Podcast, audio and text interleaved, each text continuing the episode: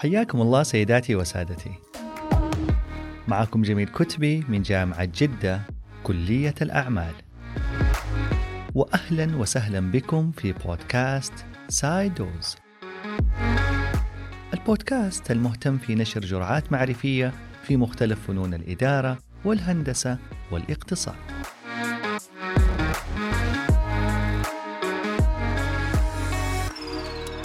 اليوم حلقتنا قصيرة. وهي عبارة عن قصة فيها الكثير من العبر والدروس في موضوع جدا مهم. قصتنا راح توريك الفرق بين التفكير الخطي linear thinking والتفكير الأسي exponential thinking. وكيف يساهم أسلوب التفكير الأسي في نجاح شركات؟ وكيف أدى التفكير الخطي في فشل شركات أخرى؟ في يناير 2007 أتغير العالم. في هذا الوقت طلع لنا ستيف جوبز على المسرح وأعلن إطلاق الآيفون.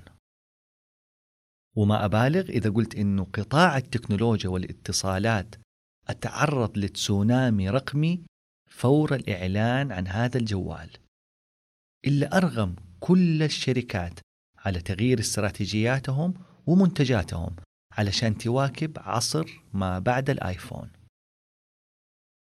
بعد شهرين من إعلان ستيف جوبز قامت شركة نوكيا اللي هي عملاق الاتصالات الفنلندية بالاستحواذ على شركة اسمها نافتيك ودفعت مبلغ 8.1 مليار دولار. نافتيك هي شركة مختصة عندها نظام ملاحي وخرائط للطرق. فنوكيا كانت مهتمة بنافتك لأنها كانت مسيطرة على سوق حساسات الطرق اللي تعطي حالة تدفق السير. واعتقدت نوكيا إنه هذا الاستحواذ راح يخليهم يسيطروا على المعلومات اللي تحتاجها أجهزة ومواقع الخرائط والملاحة. هذه الأصول اللي راح تملكها نوكيا بعملية الاستحواذ راح تكون حاجز أمام التوسع السريع لشركة زي جوجل وأبل اللي يحتاجوا هذه المعلومات طبعا. كان مبرر نوكيا للرقم الهائل اللي دفعوه علشان يشتروا نافتك هو إنه نافتك احتكرت السوق تقريبا. ففي أوروبا فقط غطت حساساتهم ربع مليون ميل في 35 مدينة رئيسية في 13 دولة. وبهذا الاستحواذ راح تتمكن نوكيا من منافسة وخنق مصدر المعلومات اللي تستخدمها جوجل وأبل في خرائطهم. ولسوء حظ نوكيا إنه هذه التوقعات لم تحقق وجرت الرياح بما لا تشتهي السفن. ففي نفس الوقت تقريبا أتأسست شركة إسرائيلية اسمها Waze. هذه الشركة بدل ما تقوم بتصنيع حساسات الطرق قامت باستخدام نموذج المصادر الجماعية اللي هو crowdsource اللي مكنها من جلب معلومات المواقع الجغرافية ال GPS من الحساسات اللي بهواتف الناس على الطريق. ومع نمو سوق الهواتف الذكية نما مع حجم المعلومات اللي تملكها واز عن الحركة المرورية وتدفق العربات. فخلال عامين بس امتلكت واز نفس حجم المعلومات اللي تملكها نافتك. وبعد أربع سنوات أمتلكت عشرة أضعاف معلومات نافتك. والأهم من كل هذا إنه تكلفة الحصول على هذه المعلومات من هواتف الناس هي صفر. وفي كل مرة يقوم الشخص بتحديث النظام التشغيلي لجواله تتحدث معه معلومات واز. وفي المقابل كانت نافتك تتكبد تكاليف هائلة جدا علشان تحدث شبكتها وتضيف حساسات جديدة على الطريق. وبكذا كانت ال marginal cost أو التكلفة الحدية لشركة Waze هي صفر. بينما التكلفة الحدية ل Navteq كبيرة جدا.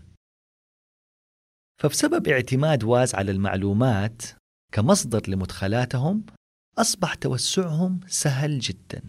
وما يكلف شيء مقارنة ب Navteq. اللي تعتمد على الأصول اللي هي الحساسات علشان تتوسع فصار توسعها صعب جدا ومكلف. وبسبب عدم فهم نوكيا للتحولات اللي يعيشها العالم وخصوصا في نماذج الأعمال دخلت في رهان خاسر. أدى لانهيار تقييمها في 2012 من 140 مليار دولار إلى 8.2 مليار دولار. تقريبا نفس المبلغ اللي دفعته للاستحواذ على Navteq. يا الله. وفي المقابل قامت جوجل في 2013 بالاستحواذ على Waze بمبلغ 1.1 مليار دولار. واللي كانت حينها Waze ما تملك أي أصول أو بنية تحتية. عندها بس مية موظف يشتغلوا. ولكن إيش عندها؟ عندها خمسين مليون عميل.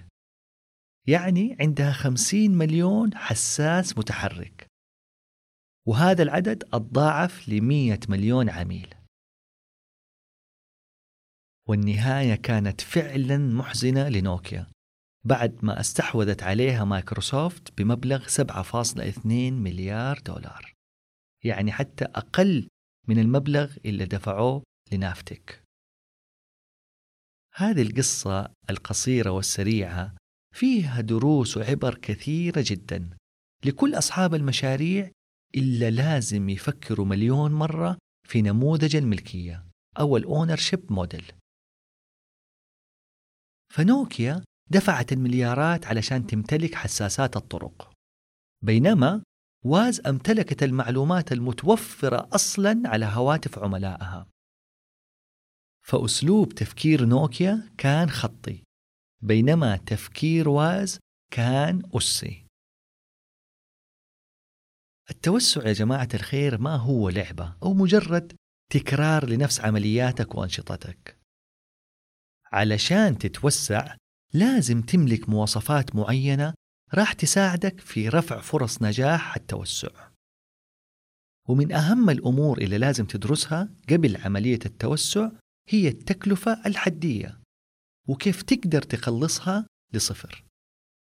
وبحول الله راح نخصص حلقة عن أهم عشرة صفات للتوسع الناجح. بكذا وصلنا إلى نهاية هذه القصة الجميلة والقصيرة ونهاية الحلقة. نتمنى أنها حازت على إعجابكم بالدروس والعبر اللي موجودة فيها والفكرة اللي حاولت أن أوصلها بشكل سريع وبسيط. وإذا عجبكم المحتوى لا تبخلوا علينا بنشره على مختلف المنصات بين أصحابكم وأهلكم ومعارفكم علشان تعم الفائدة. وإذا عندك أي إضافات أو قصص مماثلة لهذه القصة يريد تضيفها في التعليق في نهاية الصفحة. ونشوفكم بحول الله في الحلقة القادمة من بودكاست سايدوز. فأمان الله.